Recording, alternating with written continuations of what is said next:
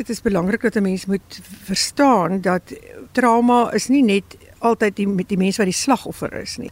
Daar's ook iets wat ons voor sal sê middelike trauma of sekondêre trauma. En partykeer het dit te doen met mense soos terapeute of mediese personeel en so wat met getraumatiseerde mense werk, maar dit het ook te doen met ooggetuies.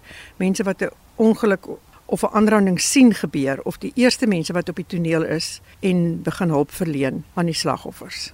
In die tyd wat ek met trauma werk, is dit nogal by my 'n vraagteken oor hoe aandag gegee word aan mense wat eers op 'n ramptoneel afkom. Mediese personeel, noodhulpwerkers, mense wat vir 'n noodorganisasies werk soos sekuriteitsmaatskappye, brandweermense en so. Ek weet nie regtig eintlik van georganiseerde trauma-ontlonting wat gereël word vir daai mense nie. As ek nou dink in my praktyk, lede van die publiek byvoorbeeld wat met tragedies en rampe en krisisse te doen het. Hulle kom miskien uit hulle eie uit na 'n ruk vir terapie. Maar daar is nie eintlik 'n georganiseerde idee dat daardie mense ook kwalifiseer vir trauma ontlonting nie. Ons praat met Hanna Kotse, traumaberader onder meer van die Baai en ons gesels oor die noodsaak dat mense wat eerste op 'n toneel kom, het sy om te help of as ooggetuies. En is seker ook in gevalle van aanranding en so, hoe belangrik trauma berading is. Nou Hanna, as iemand nie gaan vir berading nie, hoe gaan so 'n persoon dan verder sy persoonlikheid of sy gemoed, hoe gaan dit ontvou? Die groot gevaar is natuurlik dat dit in PTSD kan ontwikkel wat dan mense se funksionering in die wêreld heeltemal kan verlam. PTSD, post traumatic stress disorder.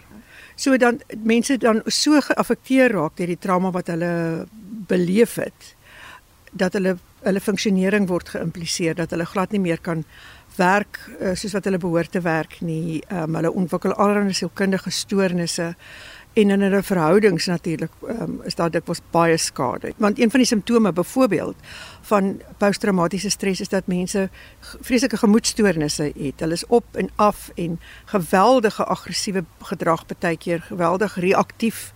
As daar die geringste mate van irritasie in hulle omgewing is, jy weet dan ooreageer hulle partykeer of nie partykeer nie dikwels en dit het dan natuurlik 'n baie negatiewe invloed op hulle verhoudings. Maar As iemand sê ja, maar ek ly daaraan.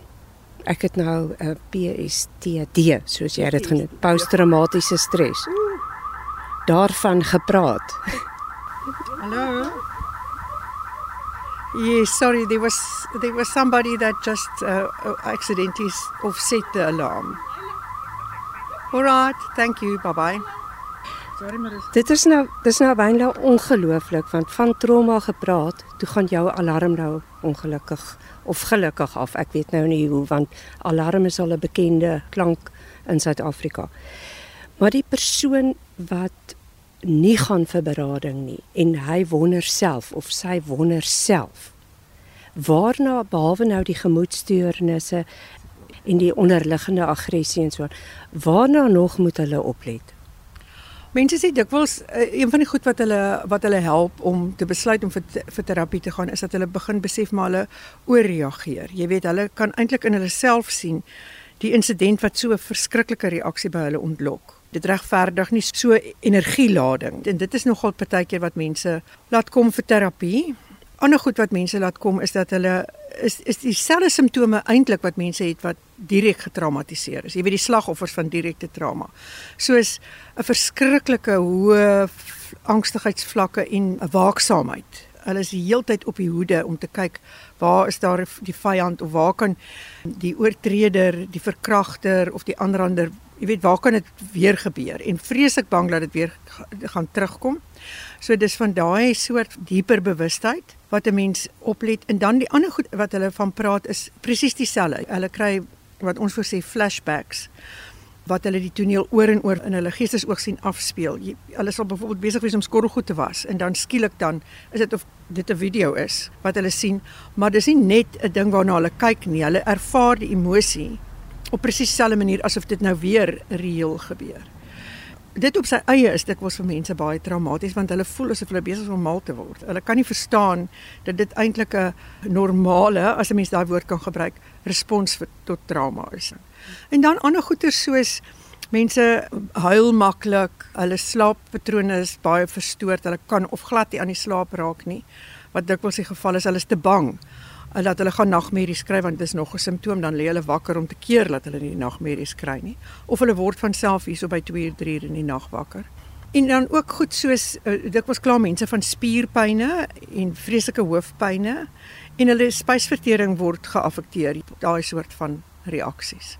Sit en dink toe jy nou sê soos die verlede 'n traumatiese ding speel soos 'n video af in jou.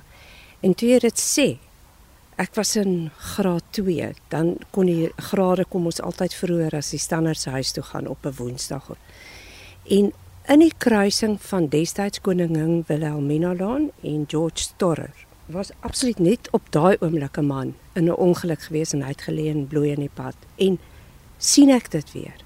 Nou kan so iets verder groei Dit kan definitief uh, verder groei, maar die groei is nie noodwendig nou was nou daai ongeluk waar daai mens so gebloei het nie en dan is daar weer 'n ongeluk en dan bloei daar iemand weer nie. Dit is 'n baie meer subtiele eintlike skakel. Dit sal byvoorbeeld wees wat het jy ervaar toe jy die ongeluk gesien het? Sê net maar jy was absoluut oorweldig geweest en verskriklik magteloos gevoel en half vasgekeer of so ietsie.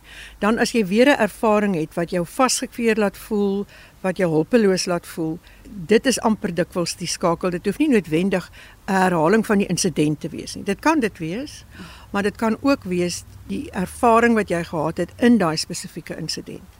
Volgende keer wanneer jy so iets belewe, dan ontlok die soortgelyke ervaring. So die storie, die feite van die storie is nie dieselfde nie. So dit dit bly by jou Nou gaan ek vir trauma berading oor dit. Maar dit gaan nie uit jou geheue uit nie. Wat sou jy sê is die beste pad? Wat ons nou van trauma verstaan is dat dit sit eintlik in ons autonome senuweestelsel en in die limbiese deel van die brein wat nie gereedelik beskikbaar is vir praatterapie soos ons dit noem nie. So mense help vir mense om asemhalingsoefeninge te doen om hulle 'n senuwee van vagus te reguleer om amper half meer fisiese aktiwiteite te doen omdat daai deel van die brein dit reageer nie so suksesvol nie dat ek liewer so sê op gewone interpretasies wat 'n mens sou sou doen in terapie nie. So jy kombineer eintlik wat dit ook al is wat die kliënt nodig het. Jy kombineer 'n groot klomp metodologieë en dissiplines om vir mense te help. So emosioneel of met medikasie kan die probleem gedeeltelik aangespreek word, maar fisiek moet die persoon ook iets doen om daai geslote boek oop te kry. Ja, dis dis nogal 'n goeie manier om dit te stel. Meditatiewe oefeninge byvoorbeeld of vir mense te help om op 'n meditatiewe manier baie bewustelik te loop om hulle self te grond. 'n uh, Ander ding wat ons altyd doen is wanneer jy vir hulle asemhaling oefeninge laat doen, vir hulle ook te help om hulle self te verbeel hoe anker hulle hulle self om daai plekkie op die aardbol waar jou voete nou is amper half op te neem as dit is jou plek en jy's veilig. Daar's baie van daai soort van fisiese werk, oefeninge wat uit die yoga praktyk byvoorbeeld ook kom wat daarop gerig is om mense se senuweestelsels te reguleer. Want dit is eintlik waar die trauma soort van half vashak as jy nie daai werk daar doen nie. Die groot rede hoekom 'n mens uh, trauma terapie doen is om die herinnering sy gepaste plek in iemand se storielyn te gee. So met ander woorde, dit is 'n storie van iets baie slegs wat gebeur het, maar dis nie die enigste en dominante storie nie. Daar's baie ander stories van baie goeie goed en ander slegte goed en ander teleurstellings. So jy gee vir hom sy spesifieke plek.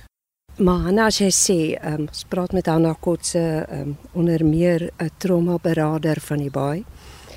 Kabega.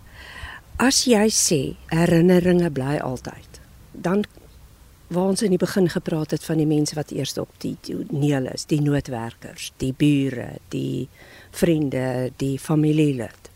Mense wat ook in institusies werk waar dood is 'n algemene ding, soos ambulans, brandweermanne soos jy gesê het, dan hoop hulle eintlik net trauma na trauma na trauma op. Ja, 'n mens moet nooit vergeet hoe belangrik dit is dat daardie mense in daai professies of bystanders wat reageer op die ongeluk of die insident dat hulle verseker ook trauma berading nodig het want hulle oorweldiging is anders as die slagoffers sin, maar dit is ook daar. Ons maak 'n fout om te vergeet van daai mense.